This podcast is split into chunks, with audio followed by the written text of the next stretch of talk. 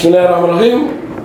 Assalamualaikum warahmatullahi wabarakatuh. Waalaikumsalam warahmatullahi wabarakatuh. KPU Banyumas, Siap. Selamat pagi, siang, sore, dan malam sedulur KPU Banyumas. Jumpa lagi dengan kami, komisioner berlima lengkap dalam program Kemisan Sinareng JDIH Sinau bareng JDIH KPU Kabupaten Banyumas sebuah program dari KPU untuk memperbincangkan, mengkaji, mempelajari, dan menginformasikan peraturan-peraturan kepemiluan dan terkait juga di, di dalamnya informasi kepemiluan yang lainnya. Hari ini Alhamdulillah hadir lengkap. Dan tema pada kesempatan kali ini adalah tema yang bagi kami adalah sangat penting. sangat penting. Jatuhnya KPU Suksesnya. keseluruhan dan suksesnya eh, tahapan pemilu.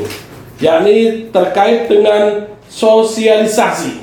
Hadir bersama kita penanggung jawab sosialisasi beliau adalah Raden Mas Surya. Selamat datang. Kita datang tadi oke Mas Surya. Panggilnya siapa ya? Raden Mas. Raden Mas Surya. Ini kasih mana ini? Kasubagnya Isoman.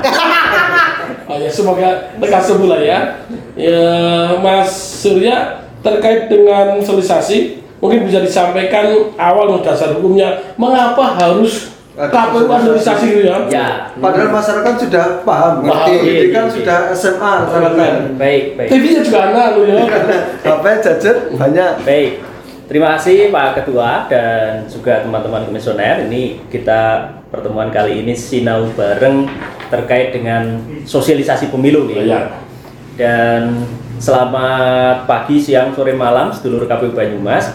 Eh, hari ini kita akan berdiskusi, mempelajari atau membaca lah. Paling tidak ya ngimut-ngimut begitu kan.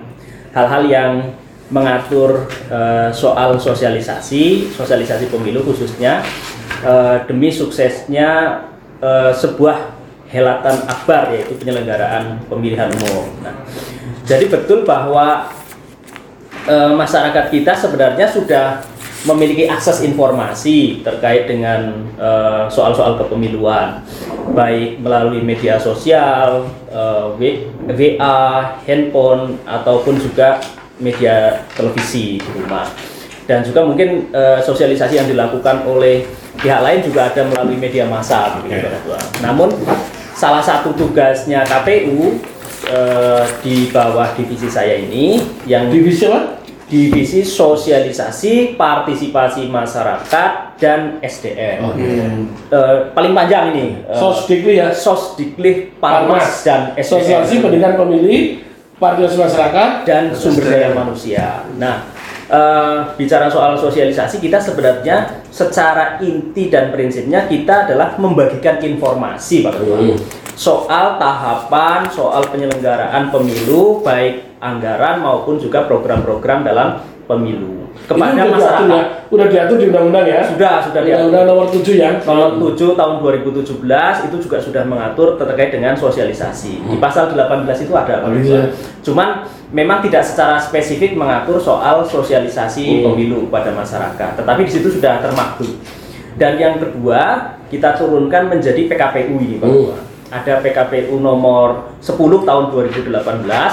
Nah, eh, di PKPU ini ini sudah lumayan rigid Iya. sudah mengatur kepada siapa kita harus melakukan sosialisasi Pak Ketua. Berarti udah diatur ya, sama aja. Nih, Sultan KPU Banyumas Sudah diatur apa saja? sosialisasi yang dilakukan oleh penyelenggara pemilu eh, menurut PKPU 18 itu eh, PKPU 10 2018 di antaranya itu harus menyasar kepada eh, 11 basis kelompok Oke, masyarakat. pemilih yang berbasis ya. pe- eh, pemilih yang ada di 11 basis. 11 basis itu di antaranya adalah basis keluarga, pemilih pemula, terus disabilitas, pemilih perempuan, marginal, eh, keagamaan, komunitas, re- eh, apa warganet, eh, apa namanya? Jadi kakak temen Ada 11 Uh.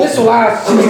Oh, Kelompok pemilih basis. Ya. Kedua, masyarakat. Masyarakat umum. Ya, ada Telu. ada media massa. media basis, oh media basis desosialisasi. Ya, karena eh, media massa ini kan justru menjadi bagian penting Oh, iya. karena nanti akan juga menjadi semacam agen informasi sip, untuk oke. membagikan informasi Partai politik. sumbernya kan harus tetap KPU Betul. Partai politik juga ya. Partai politik pasti Jelas ya tahapannya, apa Tahapannya, undang-undangnya. gitu. Ya, karena partai politik juga menjadi bagian dari peserta, pemilu. Jadi harus harus kita Oke. sosialisasi itu Pak. Lalu ada lagi? ada lagi. Apa? Ada lagi, ini saya lupa. Organisasi keagamaan. Organisasi. Informasi keagamaan itu penting dulu. Penting. Padahal Semua kalau hubungannya ya, oh, oh. Organisasi kemasyarakatan. Keagamaan. Keagamaan, organisasi Sengaja. kemasyarakatan. Itu juga penting itu Pak Ketua. Lalu yang lain? Yang lainnya ada instansi pemerintah. Instansi pemerintah ya penting itu ya. Harus Dan- tahu. misal kita di, di kabupaten ini Pak Ketua, mulai dari tingkat pemerintah kabupaten sampai dengan pemerintahan terkecil RT ya. RT. RT Ah. itu juga kita Oke, sosialisasi Ketua. Dan di 2019 kemarin itu kita tidak Banyak. mengenal Lelah. lelah. Remblong. Gaspol remblong, remblong itu sampai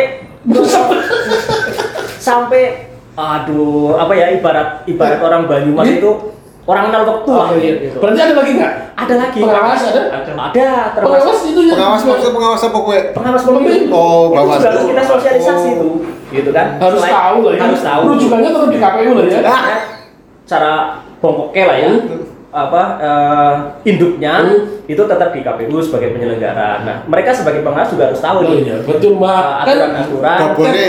Babone. Cuma nah, pemilihan itu. pemilu aja sebetulnya KPU. Kan kita jelaskan mereka gitu ya. Jadi Iya. urusan penyelenggaraan pemilu itu Pak Ketua, Hmm. yang paling tahu Hmm. Ya KPU. itu ya KPU Pak Ketua. Oh gitu. Lah ya. Jadi Ya eh, tadi saya disalahkan baik. ya itu dinamika. Jadi, Pemantau pemilu ada lah ya. Pemilu itu juga harus diberitahu, harus Iya. kita sosialisasi. Berarti semua elemen masyarakat yang ada di dalamnya itu masuk semua dalam termasuk ini. betul termasuk pemilih Oh. nah ini pemilih juga dengan, Penting. dengan berbagai usia begitu ya berbagai latar belakang itu juga kita usia- kasih sosialisasi Sampai palu usia dini malah ya. Usia dini. Loh, Usia SD itu dini. jelaskan Mau, mau bilang usia 17 tahun.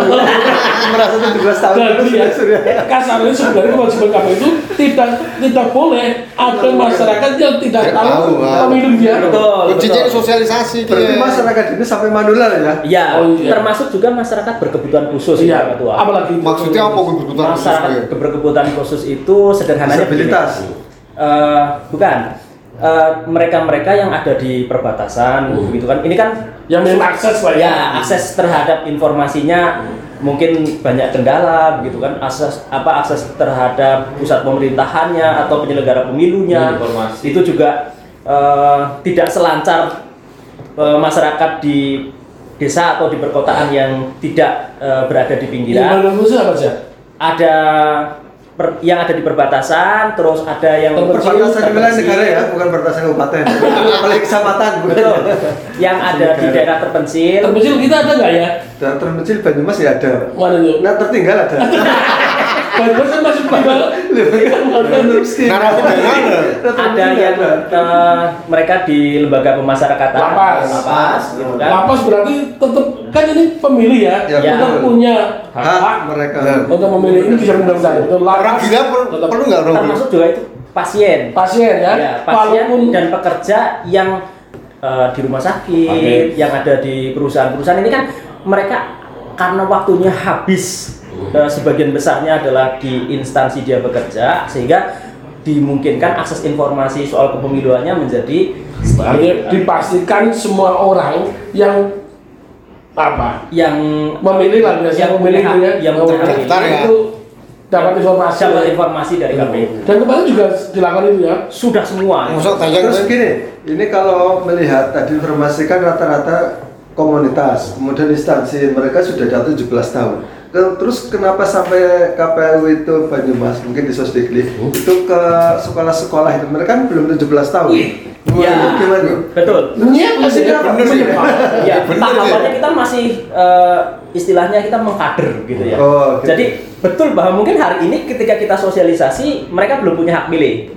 Tetapi pada saat pemilu nanti dia kan sudah punya hak pilih. Berarti materinya apa wis? Materi. Apa baik materinya? Materinya bisa kita siapkan itu Pak Ketua. Soal pengetahuan tentang Materi. demokrasi, soal pengetahuan tentang kepemiluan, soal kesadaran untuk memilih, soal tanggung jawab hak dan warga negara, soal bagaimana cara memilih pemimpin yang uh, punya kapasitas yang baik, yang memenuhi syarat-syarat uh, sebagaimana diinginkan oleh masyarakat pada umumnya. gitu. Jadi termasuk juga membekali agar generasi muda ini, calon-calon pemilih pemula ini, ini tidak lagi bisa dikasih money politik. Oh berarti banyak banget Agar- Mas. agar- agar ini di luar ini sosialisasi materi di luar tahapan. luar tahapan. Kalau iya, agar pemilih kita itu menjadi pemilih yang cerdas, rasional, punya kedaulatan kuat, ya. Iya, Negara kuat. negara kuat. Jadi mereka harus kita bentengi dengan lengkap lah ya sebaik mungkin gitu Pak Ketua. Pasti. Biar politiknya juga tidak berbiaya tinggi. Nah. Nah. Jadi pokoknya anda dari bupati yang kedua kita ikhtiarkan eh, kita bantu dengan cara mengkampanyekan politik biaya murah Biaya ya. murah. Jadi Pemilih tidak- cerdas, ya, ya. betul. Jadi tidak lagi seorang calon kontestan eh, pemilu itu harus mengeluarkan banyak eh, biaya karena pemilihnya sudah cukup rasional. Eh, ibaratnya eh, seorang pemilih itu sudah bisa menilai lah karakter dari oh calon ini visinya ini karakternya begini berarti layak. Berarti dia- kabupaten Banyumas, Ya. walaupun tanpa pemilu, tanpa pilkada, kita tetap sosialisasi melakukan sosdikri salah satu ke sekolah-sekolah. Betul. Jadi kalau Mas. Kasis itu kemarin di produk itu apa ada daftar pemilih berkelanjutan di Parmas ini sosialisasi Berkelanjutan. terus berlanjut. Sosialisasi tanpa batas, Tanpa batas. tanpa tanpa batas tidak mengenal waktu. dan tanpa anggaran Tanpa anggaran. itu yang penting satu juta mas satu tahun satu tahun. Di panen kuwi. Eh, Aduh. ini sosialisasi ketua kalau tadi berita sosialisasi ternyata ketika dimasuk ke sekolahan itu bukan sekedar sosialisasi ya di situ ada penambahan istilahnya apa pendidikan pemilih Iya. nah berarti dalam artian sosialisasi ini dikemas bukan sekedar menyampaikan informasi sosialisasi Betul, tapi bagaimana kemudian menjadi Pendidik. sebuah pendidikan di Iya. masyarakat Maka namanya sosdikli mas. Iya. Kalau sosialisasi misalnya di tahapan ada tahapan. Tahapan. Ya, kita lebih kepada menyampaikan informasi soal teknis penyelenggaraan bagaimana. Itu kalau tahapan ya. Iya. Calonnya siapa? Calonnya siapa? Cara nyobosnya Sosialisasi. bagaimana? Biasa, gitu kan. Pesertanya siapa saja, partainya mana saja, gitu kan. Tapi kalau pendidikan pemilih, kita sudah mulai membekali calon pemilih ini dengan nilai. Nah, itu, itu yang masuk ke sekolah-sekolah, ke kampus-kampus, ke kelompok masyarakat komunitas. Baru itu kelompok adat juga kita garap ya. Termasuk, termasuk masyarakat adat. Warga budaya itu Iya, garap. termasuk. Jadi memang eh, hampir semua komunit, eh, semua lapisan masyarakat itu menjadi sasaran kita Pak Ketua untuk eh, kita terus eh, memberikan sosialisasi dan pendidikan pemilih terkait dengan eh, pemilu. Eh mas, kan aktif banget garap. Apa KPU kan kuat sih? Ya eh, leading sektornya memang KPU. Iya. Tetapi dalam perjalanannya kita juga bermitra dengan eh, Kita lain, ya bermitra dengan eh, banyak pihak lah.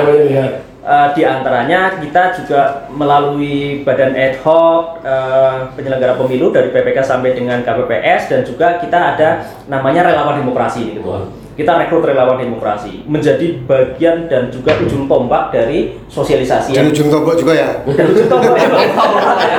Karena kan eh, kalau sosialisasi yang berbasis anggaran kan eh, itemnya cukup jelas dan terbatas Hmm. gitu ya ada juknisnya juga ya ada jobdesknya juga. Cuman kalau eh, berbasis anggaran saja kan tidak cukup, Hmm. gitu kan? Tidak cukup eh, menjangkau kepada banyak kelompok, banyak pihak, begitu kan? Nah, kita juga ada sosialisasi yang tidak berbasis anggaran, Hmm. Termasuk termasuk sosialisasi yang dilakukan di luar tahapan. Ini juga tidak berbasis anggaran. termasuk anak maga ya kita bekali dengan itu ya Ya, betul. terus sekolah pemilu Betul. Itu sosdikli ya. Itu sosdikli. Maka sosdikli itu adalah sos- sosdikli jut ya. Ya. Bisa kita namai seperti itulah. sebenarnya serba jut jut Jut, jut, ya. Mbak, jadi yang menarik sosial di mana? Sosdikli di mana? Yang Tahu kuning diwis. Sing paling menarik. Punya pengalaman Pengalaman menarik. menarik. ya nek aku nang narapidana lah. Oh, menarik. Ada yang kenal atau gimana? Eh, ya karena kan dia apa ya terkurung ber, ber, ber- bertahun-tahun tidak mau dunia luar ketika eh, KPU menyelenggarakan sosdis di dia berbondong-bondong antusias sekali loh bertanya bagaimana oh, antusias. tanya ya tanya walaupun jemput nyoblos sopokan kan Tapi antusiasme ya? antusiasme tinggi sekali kan kita merasa dinyal, merasa siapa lah ya, di siapa dinyal, ya. merasa dihargai Mendapatkan Iya. informasi langsung. Iya, langsung dan kita kan punya tiga lapas ya, lapas Banyumas, lapas Purwokerto, lapas sekarang yang baru Rutan, sekarang yang baru narkoba. Yang narkoba kan belum pernah kita coba karena sekarang Baru, baru. baru. Nah, ya eh, pengalaman saya Di ketika itu ya, ditugas- ya Itu menariknya tempatnya apa gimana? itu? enggak karena melihat eh, Antusiasme. antusiasme dan matanya tuh berbinar-binar itu kan artinya bahwa dia menemukan orang baru Nah, ini ya. Jangan-jangan kalau Mas Jalan paling dari di ibu-ibu ini.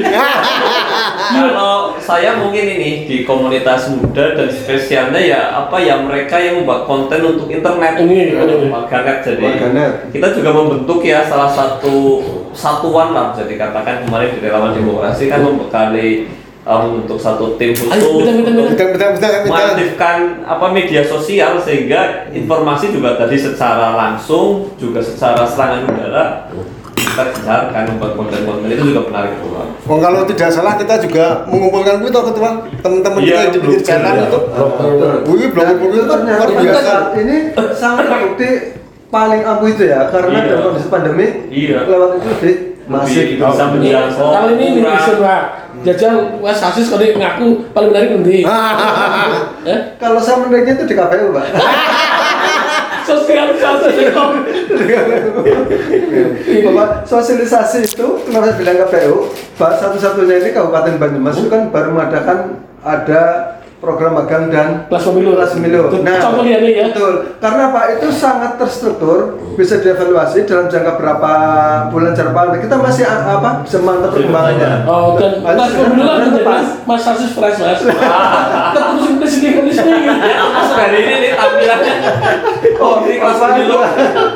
Wong Karena ini saya sedikit clear, karena kan semua semua apa namanya semua Yang masyarakat harus- dari yang manula seperti Mbak Bang ya sampai sudah seperti saya. yang harus menarik itu Hanan harus ah, itu sharing itu ketika dia menemui penambang pasir gue. Oh, iya. Ah, Kita pernah ke komunitas pinggiran itu. Nah, gue. Kalau Serayu. Kan berbinar-binar bok mas. Nah, Mengantusias ya. Ya, bisa jadi bagaimana tadi diceritakan ya kayak akses informasi penambang pasir kan sebagai salah satu contoh kegiatan uh, sosialisasi waktu itu hasil pemilu ya yang kita Iya. ceritakan. Mereka ya sangat antusias terus senang ketemu dengan KPU dan apalagi anggota dewan hadir. Itu juga salah satu terobosan yang dilakukan divisi Parmas ya, berarti Oh, kan gini berarti sosialisasi kan bukan hanya nama materinya ada logistik dari sosialisasi, semua tahapannya, Betul. semua terkait dengan kepemiluan, KP disosialisasikan kan ya, sesuai kebutuhan lah ya.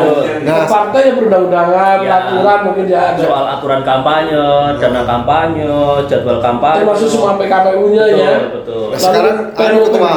Ya. dan pemilih, Teknisnya, kok berarti, kok keren lagi KP juga sih KP Oh, ya? iya. Orang Antara- orang apa dia nggak apa-ngapain.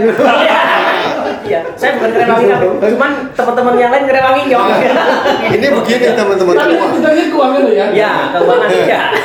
Nah, kita lagi janji programnya ketua itu kan baru baru berjalan satu kali bahwa hasil dari pemilu yang sedulur-sedulur coblos yang sedulur pilih itu yang menjadi anggota dewan itu akan ditemukan dengan mereka Sudah. mereka kan baru, baru sekali ya ketua ya Oh sudah bergilir ke semua dapil. Kemarin Oh. sudah Karena sudah sudah 2020 sudah. Nah. Cuma kan ketabrak covid. Nah, itu kita, enggak. kita menyesuaikan Kabupaten Mas ada program yang ini satu-satunya di Indonesia, yakni menghadirkan ke apa itu anggota ahli dewan yang terpilih Dengan konstituen. dengan kesedihan ya, Iya. dengan Masing-masing dan kita eh, kelompok-kelompok yang kelompok tertentu yang salah satu misalkan benang pasir, kalau itu Kromo-kromo PKL, buruh migran Sumbang ya, dan dan yang lain. masyarakat pinggiran berarti anu ketua besok bu- bukan bukan tidak mungkin ah, kita undang di sini untuk mereka Oh, iya. diskusi di Ya, sini ya, betul.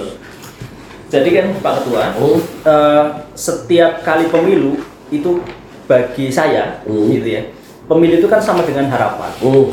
Jadi eh, penyampaian informasi dan soal penget- apa namanya pengetahuan aturan begitu ya, tata aturan dalam penyelenggaraan pemilu itu harus juga sampai kepada masyarakat pemilih. lintas basis lah, lintas kelompok masyarakat. Semuanya mereka harus ngerti, harus tahu begitu kan. Sehingga nanti setelah mereka tahu, paham dan mengerti itu, mereka akan bisa menjadi semacam preferensi begitu ya untuk memil- menilai calon, memilih calon. Sehingga tidak lagi ada istilah wah saya milihnya asal-asalan lah gitu kan. Saya nggak kenal calonnya gitu kan. Saya tidak punya pu- tidak punya tujuan apa-apa kok saya cuma milih-milih saja gitu. Tidak lagi seperti itu Pak Ketua. Karena namanya pemilu itu itu pasti sama seperti kita itu memiliki sebuah harapan. Harapan akan wakil-wakil kita yang duduk di eksekutif yang duduk di legislatif yang semuanya itu akan menentukan hajat kita kepentingan-kepentingan kita sebagai warga mulai dari bangun tidur sampai kita tidur lagi Maka bagi, bagi kita sampaikan pemilu penting. penting, sangat penting, Sangat penting. bahkan bahkan sampai mati itu bang Eh. kita masih diatur sama Eh. pejabat-pejabat Semua kita. solusi persoalan negara selesai di pemilu. Ah, iya. Karena pemilu lah yang milih presiden, dan pemilu itu masih Kebijakan. Kapolri. betul Kapolri itu diusulkan oleh presiden ke DPR dan di Setujui. DPR. Iya. Presiden dan DPR Hasil program pemilu. Termasuk dinas ya. betul bang semua muanya itu Dari hasil pemilu. dari pemilu coba bayangin Eh, kenapa saya bilang tadi sampai mati karena yang namanya eh, pemakaman umum yang mengatur soal kebijakan di tempat pemakaman umum ya kan ada di, dinas Makanya- pemakaman. Pemahaman ya di kota-kota misalnya Iya. seperti DKI Jakarta Hmm. gitu kan. Itu kan para wakil-wakil rakyat. Ya, retribusinya. nah sampai mati saja itu masih diatur sama hasil pemilu kan begitu kan. Jadi mohon maaf nih apalagi kita di Banyumas ini yang masih sehat segar bugar begitu kan. Jadi tidak boleh kita itu uh, apatis lah masa bodoh atau tidak mau tahu dengan Iya. namanya pemilu. Kita harus harus uh, proaktif kita harus terlibat kita harus menentukan uh, wakil-wakil kita melalui pemilu dengan uh, apa kesadaran dengan rasionalitas yang tinggi Kalau hari ini masih ada masalah, berarti selesaikan jadikanlah pemilu yang berdaulat, apa? pemilu yang bermartabat, pemilu yang bermartabat. Ber- beradab berada. Ya, sehingga kan aku tertarik iki Raden Mas sebelum pin potong ini anda tadi menyampaikan bahwa pemilu berbiaya murah, orang baik bisa menjadi pemimpin, nah, tidak monomino politik, wis murah lah. Ini salah satu kurikulum. Nah, carane kepriwe? Ya, betul. Itu loh. salah satu ini yang kita lakukan di KPU Banyumas itu kan kita ada program namanya KPU Mengajar. Nah, KPU Mengajar itu kita membuat program untuk masuk ke sekolah-sekolah memberikan informasi dan juga pendidikan pemilih terhadap eh, siswa SMK, SMA ataupun MA di seluruh sekolah di Banyumas. hmm. Kita ingin memulai Banyumas ini menjadi semacam pilot project. project ya. Ya, Nah. pi- pilot project untuk membangun kedaulatan pemilih dan juga membangun kesadaran pemilih, kedaulatan pemilih agar pemilih-pemilih di Banyumas itu menjadi pemilih yang sangat cerdas ya. Itu sangat baik berdaulat. baik memilih legislatif maupun memilih KPU bupati ya. mengajar, KPU go to kampus, ya. KPU mengajar, KPU Kostus kampus, baik berbasis anggaran ataupun tidak Tidak. Kabar baiknya sekarang tidak ada, anggaran. Tapi kita dilakukan. Tetap kita lakukan. Artinya- salah satunya terobosannya mas ini kemarin yang ternyata diadopsi oleh KPRI kita mengadakan kampung Desa. Demokrasi. demokrasi. demokrasi. kita sudah mengusulkan Ya. proposal program ke KPRI Ya, ke KPRI dan juga Jadi anggaran ternyata Ya, ternyata malah diadopsi oleh KPRI. Artinya bahwa tanpa ada anggaran, kita kemudian bisa ide kita itu diadopsi oleh KPRI untuk menjadikan sebuah uh, Program. program Ya, kegiatan, betul. entah itu strategi maupun yang lain. Betul. Nah itu ya efektif Oke. kreatifnya itu. Berarti memang eh, kita garap mana saat ini ya garap lebih maksimal di pemilih pemula lah ya, pemilih muda ya. pemilih muda, pemilih pemula, Pemilih. dan juga eh, kita ini masing-masing masing-masing pribadi ini kan sebenarnya setiap hari, setiap saat kita juga melakukan sosdiklik gitu di eh, lingkungan kita masing-masing kan gitu Pak Ketua. Jadi namanya anggota KPU itu pasti ngopi sambil apa namanya eh, makan pisang goreng gitu ya, makan pisang goreng itu pasti ceritanya politik. Pemilih. Sudah pemilu, Ceritanya ya. pemilu. Ah, Gitu kan? sudah pemilu solusi. Iya. Kita lagi jalan-jalan ke pasar, ketemu teman atau saudara, itu masih ditanya, "Weh, Mas, kira-kira sih pemilunya kapan kan dengan beritanya jere nah gitu kan akhirnya kan kita juga memberikan sosialisasi di pasar gitu kan soal pemilu ini sudah menjadi sekarang ya. Semacam apa Apa ya ya? Darah ya, darah ya. dalam diri kita itu jadi kita tidak pernah bisa berhenti untuk bersosialisasi begitu apalagi menyampaikan informasi soal tahapan soal pemilu begitu. Kartunya kalau begitu eh, mimpinya KPU Kabupaten Banyumas itu siapa saja boleh bermimpi untuk menjadi pemimpin ya yang Oh, iya. berbiaya murah kan Yang berbiaya murah. silakan loh sedulur KPU Banyumas sing ora di duit sing otaknya cerdas pikirannya jernih yang daftar bisa daftar legislatif bisa daftar bupati ya gitu ya nah, Karena silakan problemnya memang itu ya, pemilu politik mahal, money politik yang brutal, itu kan termasuk berita hoax kan, Berita lawan. itu itu bagian dari yang kita lawan kan, intimidasi, Ya, itu kan betul. bagaimana menciptakan pemilih berdaulat kan. Nah, karena yang gimana? juga, eh, kalau tadi disampaikan oleh divisi Sosdiklih, Parmas dan SDM, ada tambahnya lagi Raden Mas Surya. itu bahwa bukan tugas KPU kalau menurut itu sadar Oh. tapi bagaimana kemudian bukan di luar hanya KPU tetapi di luar itu mitra terutama yang apalagi peserta pemilu mereka butuh itu sebetulnya bagaimana Ya. dimaksimalkan terus kemudian juga pemerintah bahwa pemerintah itu membutuhkan sebuah apa namanya eh, pemahaman terhadap masyarakat ketika ada pemilu di samping nanti partisipasinya aktif eh, banyak terus kemudian melampaui target tapi juga bagaimana masyarakat melek terhadap demokrasi. Nah tugas ini kan tadi sampaikan tidak mudah. Artinya dalam jangka sampai kemudian lima tahun KPU Banyumas sudah mempersiapkan itu untuk menata mulai dari seperti itu tadi. Betul. Dan itu tidak kemudian di Banyumas kemudian itu masa zamannya ini terus kemudian kok masih segini bukan seperti itu ya ukurannya ya Ya. karena itu tetap proses berlanjut terus Karena Siapa sosdik ini jut, jut. Sebenarnya ada masalah sih permasalahan permasalahan di pelaksanaan kegiatan sosialisasi. ya kalau Aja duit toh. Tidak Pak Ketua. Jadi kalau soal permasalahan di kegiatan sosialisasi itu pasti ada ya. Hmm. Tapi semua persoalan itu kan wajib hukumnya untuk bisa kita atasi. Iya. Jadi permasalahan-permasalahan kecil yang mungkin eh, ada dalam kegiatan sosialisasi kita itu harus sudah bisa kita selesaikan gitu kan. Jadi kalau permasalahan yang eh, apa cukup eh, besar begitu ya, menurut saya saya belum ketemu lah Enggak, enteng lah ya. Enteng. Urusan di walaupun cuma sejuta, Gak ada masalah. Gak masalah lah. Tidak ada Tetap masalah. jalan. Iya. Tetap Banyumas jenggirat lah ya. Iya betul. Jadi apalagi masalahnya hanya di soal anggaran. Oh. Saya kira itu tidak ada kamus lah di Banyumas. Itu permasalahan Ada serunan. soal anggaran terus kemudian menghambat kita Fanatik lah ya. Itu nggak ada kamus lah. terus biasa urunan lah ya gitu Ya, sama. dan eh, saya kira ada atau tidak ada anggaran kita Tetap tetap jalan, ya? bersosialisasi. Karena ini terkait dengan jantung, darahnya KPU ya. Ya betul. Dan Masa berhenti kan gara-gara anggaran? Betul. Dan kita sudah dibayar untuk melakukan itu pekerjaan kita itu Pak Ketua.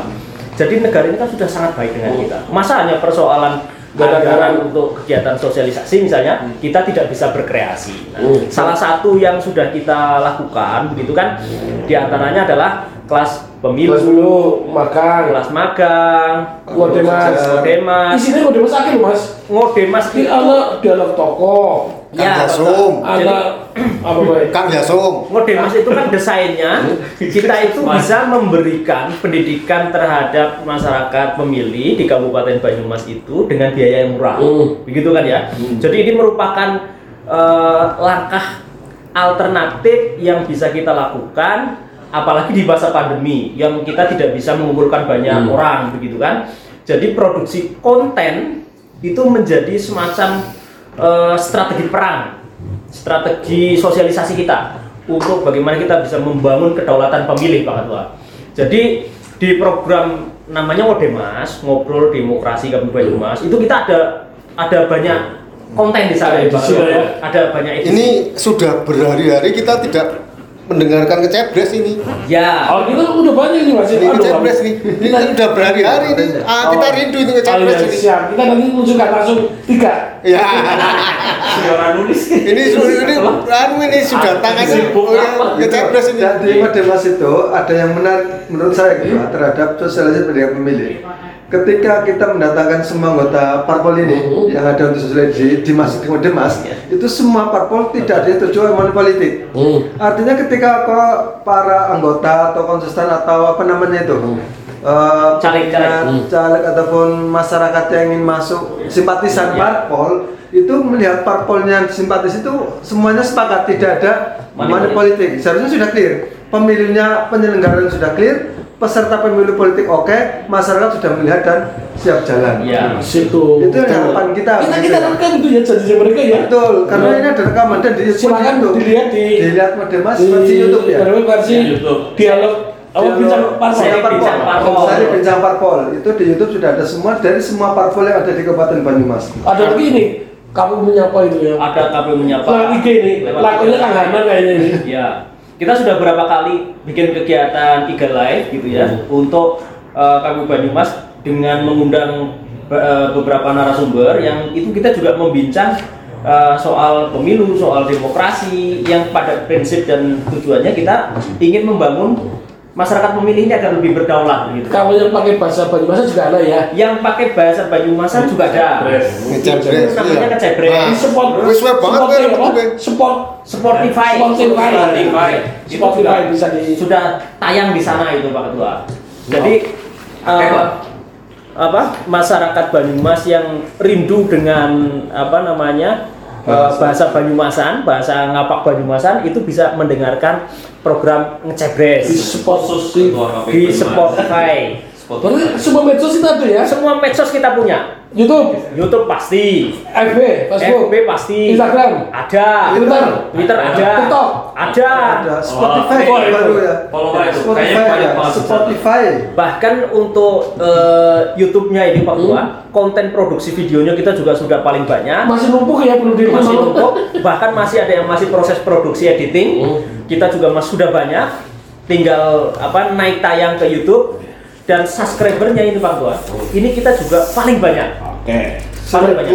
1028 subscriber. Itu subscriber asli, Asli. Asli. bukan subscriber beli. Tidak pilkada. Tidak pilkada. Tidak pilkada. Tapi ini ngomong-ngomong kasubag teknismu nendi. Lagi isoman. Oh, apa ini? Oke, Mas. So, gini, tantangan sebenarnya tantangan KPU untuk social public di pandemi apa, Mas? Ya, jadi untuk tantangannya di masa pandemi ini kan kita harus eh, apa namanya mengikuti aturan pemerintah ya Hmm. soal bagaimana memutus mata rantai dari pandemi Hmm. gitu kan. Jadi kita harus taat prokes. Berarti orang ini tatap muka ya Ya tatap muka dibatasi lah ya. dibatasi dan sangat ketat pembatasannya apalagi di Banyumas ya kita masuk kemarin Level 3 Mas. level 3 dan sebelumnya kita sama sekali tidak hampir tidak bisa bergerak Hmm. begitu kan berkumpul itu kan Kopi, sama sekali tidak tolong dong. Tutupi. Kamu. Ya, seperti hampir-hampir seperti kota mati begitu ya. Kayak perang. Kayak perang gitu kan. Dan eh, apa namanya? eh, selain tadi eh, kita tidak bisa berkumpul dan harus taat prokes, itu kita juga hampir tidak bisa berkunjung. Nah, ini kan Mas- masyarakat takut lah ya. masyarakat takut. Bah- bahkan mau eh, apa namanya? pertemuan-pertemuan, jangankan pertemuan ya, yang yang apa namanya sesuatu yang itu sangat-sangat eh, Budaya ya. sangat budaya begitu ya. Ada misalnya Kesandu RT gitu ya. Ada istiadat ada itu. istiadat itu, ada apa hajatan, ada kegiatan-kegiatan ritual. Misalnya ada suran ada gitu ya. suran, itu juga berhenti total. Iya. Bahkan nun sewu eh, takziah begitu ya. Ketika Oh, iya, saudara betul. handetolan sahabat. Langsung gitu ya, ada Itu saja. Itu saya pengaruh lah ya. Itu sangat pengaruh itu Pak. Pengaruh ya. Tapi kalau kalau udah rada normal, berarti level 2 bisa kita gaspol lah ya. Bisa gaspol. Tapi level enggak. Remblong. Lebih saya sebagai ketua divisi beserta dengan kasubag teknis dan teman-teman di teknis itu sudah menyiapkan jadwal itu Pak Ketua. Begitu kita bisa tatap muka ke sekolah-sekolah kita sudah siapkan. Sebanyumas ini akan kita sambangi semuanya. Kita apalagi backup mahasiswa lah ya. Di backup mahasiswa itu kan mahasiswa. banyak itu yang Dan Ya, antri.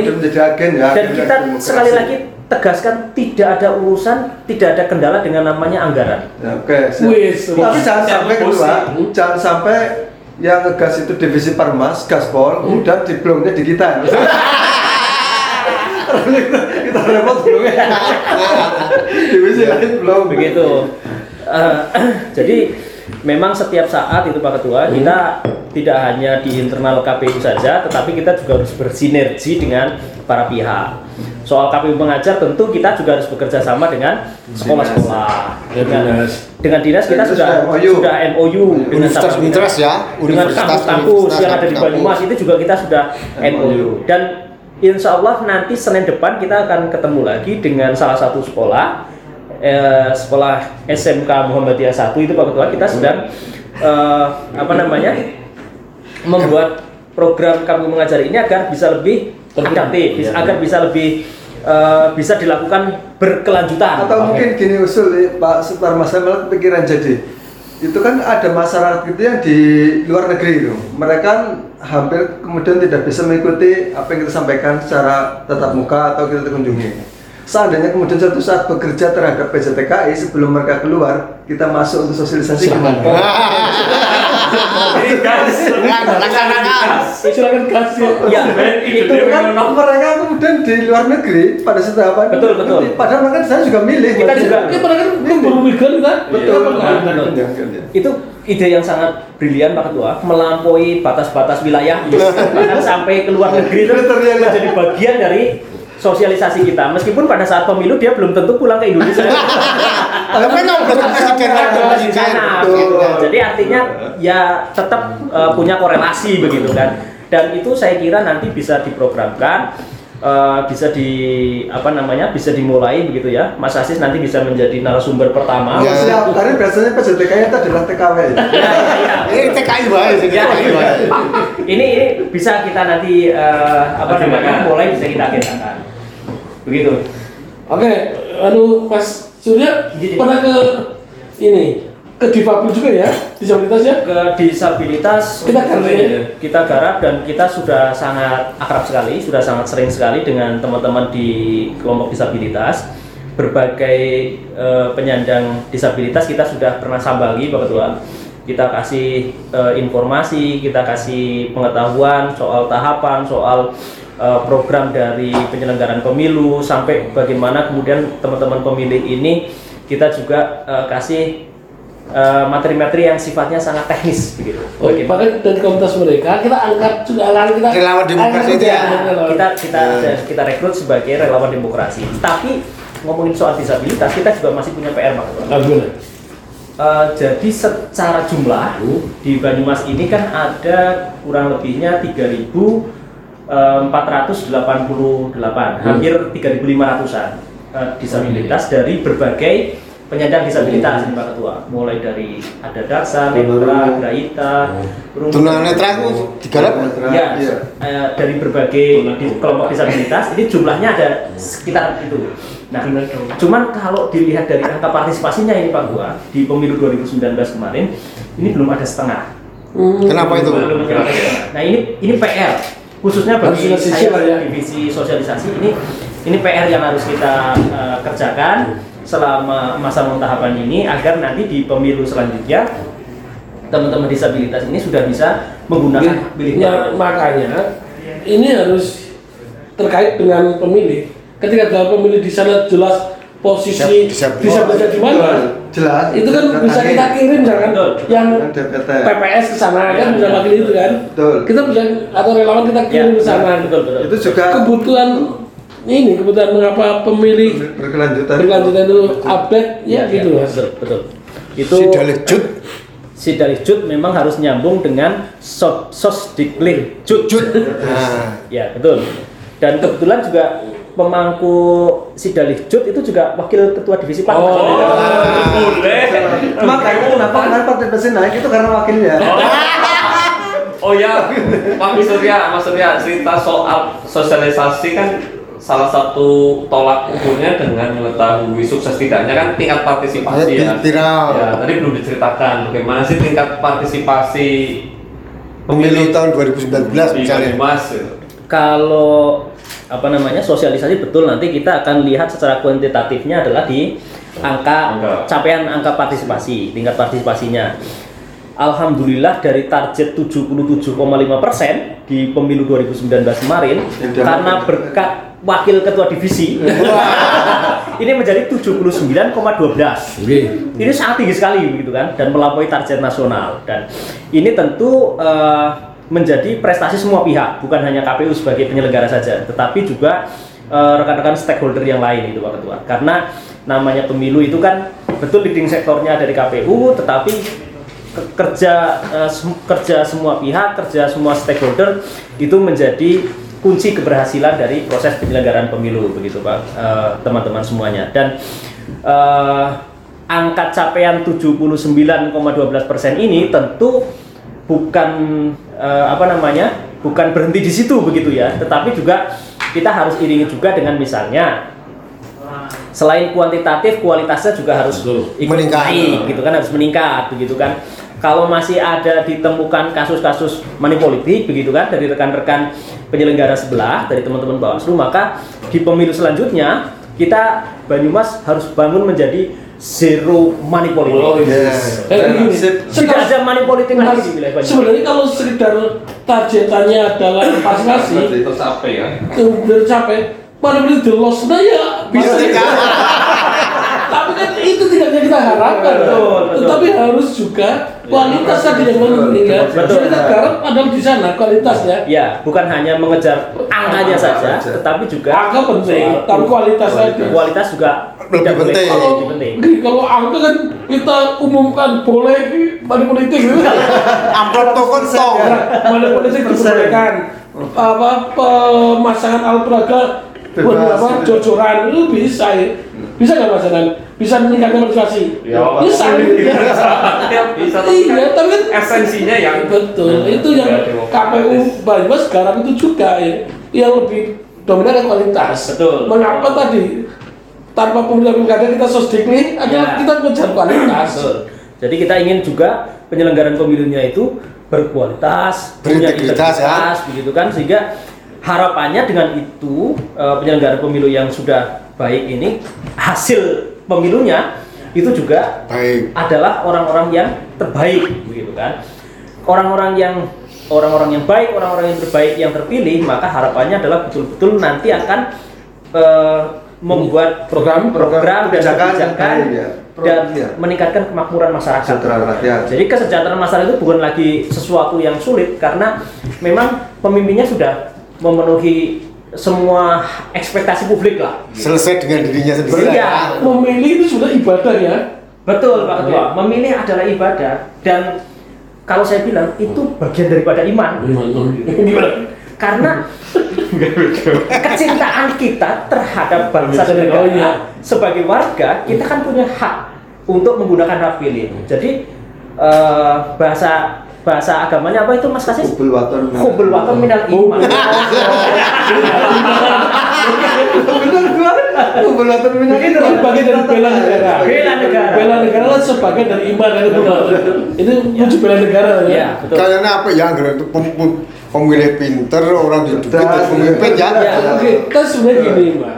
Maka di kadang-kadang kita sampaikan eh memilih itu bukan hanya soal duniawi, tapi sampai akhirat. Akhirat. Ketika kita memilih memilih orang baik dan orang baik melakukan apa program kebaikan, maka kita dapat amal jariah.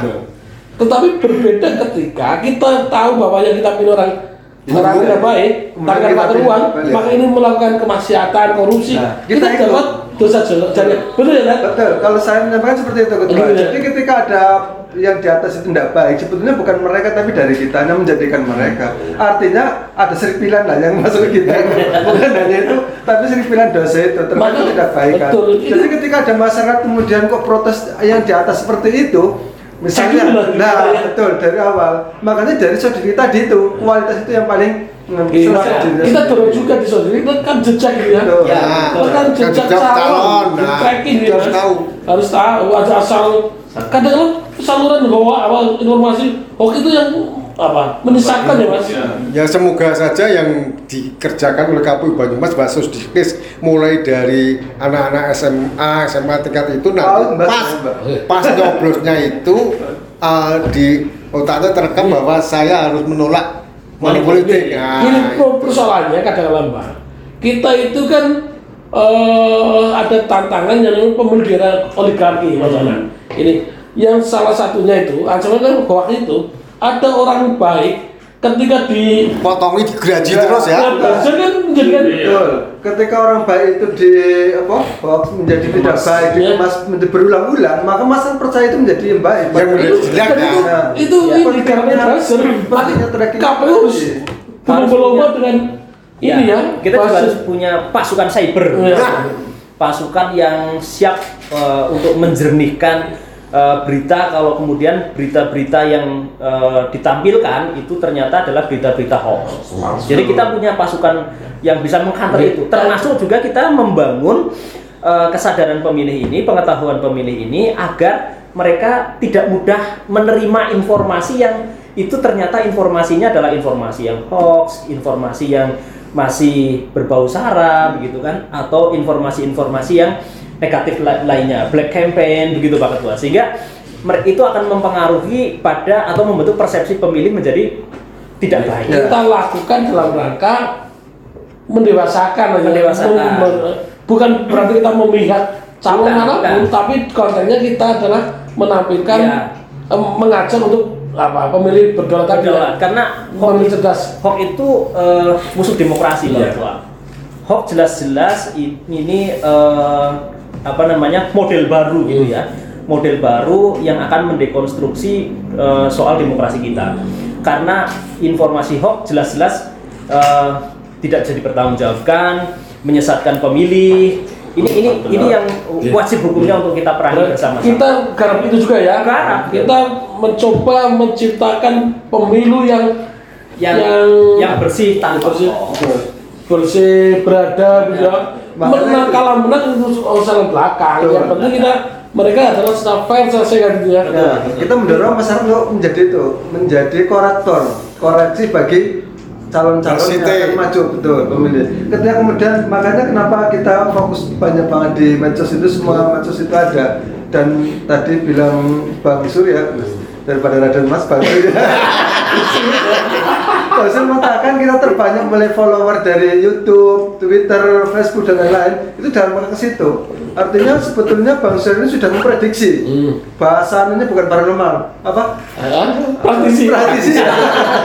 Ini ke depan harus seperti ini seperti ini. Sudah Berarti di- sudah melahirkan berbeda juga Betul. eh, di medsos dalam rangka Nah, ini itu. memerangi ketika Betul. 2024 masyarakat sudah terbangun oh sebetulnya yang betul ini ini dulu ada rekamannya dari KPU Banyumas. Ya. nah, seperti ini informasi seperti ini. Begitu ketua. Ini ada magister komunikasi. Nah, juga ya. pakar literasi digital. Aduh gimana tadi yang disampaikan Mas Hasis terus yang dilakukan Mas Surya dengan hubungannya menaikkan jumlah follower adalah ketika KPU sebagai produsen pesan informasi kepemiluan yang betul Ya, yang valid, ya, terpercaya maka para follower kita yang jumlahnya sudah ribuan ini bisa mendapatkan informasi yang valid juga gitu. Ketika pemilih kita valid maka tadi harapan menjadi apa menggunakan hak pilihnya kuasa pilihnya itu sesuai hati nurani bisa tercapai. Gitu ya, Kami sangat betul. mengharapkan. ada korelasi ya? Ini Ada dari. Pak Ada hubungan. betul ini. Ini ini literasi digital kan ini sudah spesialisasi. ada ini ahli literasi digital ada budak budak literasi ini semakin menarik ya dari uh, game-game kita sejak awal pertama. Ini ketua saya usul nih kemis depan itu kan biar runut itu uh, kita akan membahas pencalonan. Jadi sopo baik sih? Oh sudah dipesankan logistik. Oh logistik. Oh ya siap. Sudah. Gini, itu terkait dengan logistik bahwa supaya masyarakat tahu bahwa di KPU logistik itu bukan hanya tahapan saja, tapi juga penyelenggaraan logistik gimana Ya, Iya, oke, oke, oke. di, di, di KPU sehari-hari. tapi nanti tetap kita akan Depannya Ya. pencalonan, itu Pencalonan sudah mulai jadi DP. yang- karena banyak beberapa parpol ya Mbak sudah pada memberikan informasi ke KPU karena ke sinau kita pada hari ini itu kan mengangkat orang baik, orang bermoral, orang yang tidak punya peluru, orang yang tidak punya duit diminta untuk menjadi pemimpin. bukan bang siapa pun Ya, ya, makanya punya, siapa- punya hak kesempatan sama. entah kaya entah tidak Misalnya. kita sangkan gitu ya. Undang-undangnya kita demikian. cuma kesempatan yang kita dorong adalah eh, bagaimana pemilu ini beradab, Iya. Martabat. yang punya bermartabat, Ah, gitu. tanpa tadi monopoli yang brutal, sehingga memungkinkan siapa pun punya kesempatan Ya, sama, sama. kayak gitu, Mbak. Dan tidak ada Siapa pun itu artinya- Jadi tidak ada intimidasi. Jadi itu dari niat itu orang kudu misalkan seorang pengusaha ya kan, Ah. karena kita dorong siapa pun ya. Jadi apa itu ya kita angkat sama merindukan nanti amplop di toko-toko itu masih penuh. Ah. Ya. Ya. Berarti kalau begitu tuh, mungkin salah satu caranya ketika kemudian mantan-mantan KPU itu menjadi itu masuk di situ gitu. Oke, sebelum kami berjelas dengan tadi perbincangan kami tentang sosdikri yang pasti kami sampaikan sebelum kami Banyumas bahwa walaupun tanpa pemilu, tanpa pilkada kita tetap melakukan sosdikri, sosialisasi pendidikan pemilih. Tujuannya adalah bagaimana kita menciptakan bersama-sama mewujudkan pemilih yang beradab, pemilih yang bermartabat, pemilih yang berdaulat. Endingnya adalah bagaimana hasil pemilu ini adalah orang-orang yang amanah, orang-orang baik. orang-orang yang punya kebijakan dan membuat program yang pro rakyat di Ya, masyarakat. Dan itu sungguh pemimpin yang diharapkan mat mereka sendiri Kalau sendiri. kita memilih faktor itu, insya Allah katanya anu Gus Hasis tadi, kita dapat amal jariah. Terima kasih sebelum kami Mas. Jumpa lagi di edisi selanjutnya pekan depan. Semoga ini ada manfaat untuk kita bersama. Kami Mas. Sikap! Terima kasih. Wassalamualaikum warahmatullahi wabarakatuh.